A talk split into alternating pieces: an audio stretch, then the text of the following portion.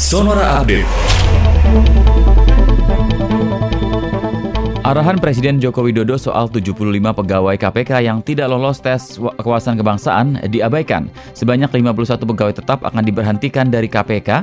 Dari 75 pegawai KPK yang tidak lolos tes wawasan kebangsaan, hanya 24 orang yang dinilai masih bisa dibina agar memenuhi syarat menjadi aparatur sipil negara.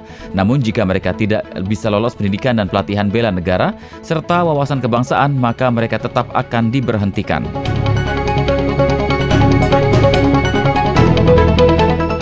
Kementerian Perhubungan mengklaim hasil evaluasi kebijakan pengendalian transportasi pada masa larangan mudik sepanjang 6 hingga 17 Mei 2021 berjalan dengan baik. Juru bicara Kementerian Perhubungan Adita Irawati mengatakan pengendalian transportasi yang telah dilakukan dapat mengurangi secara signifikan jumlah pergerakan penumpang di semua moda transportasi publik.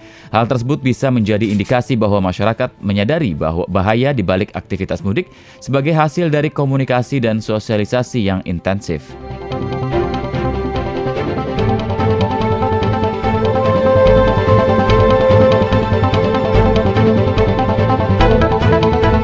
Malaysia pada Selasa kemarin melaporkan 7.289 kasus baru COVID-19, rekor infeksi harian tertinggi sejak pandemi bergulir. Ini juga pertama kalinya jumlah kasus baru COVID-19 di Malaysia menembus angka 7.000. Lonjakan tersebut membuat rumah sakit di Malaysia kekurangan tempat tidur unit perawatan intensif atau ICU dengan otoritas kesehatan berulang kali memperingatkan tentang peningkatan hunian ICU dan petugas medis yang kelelahan.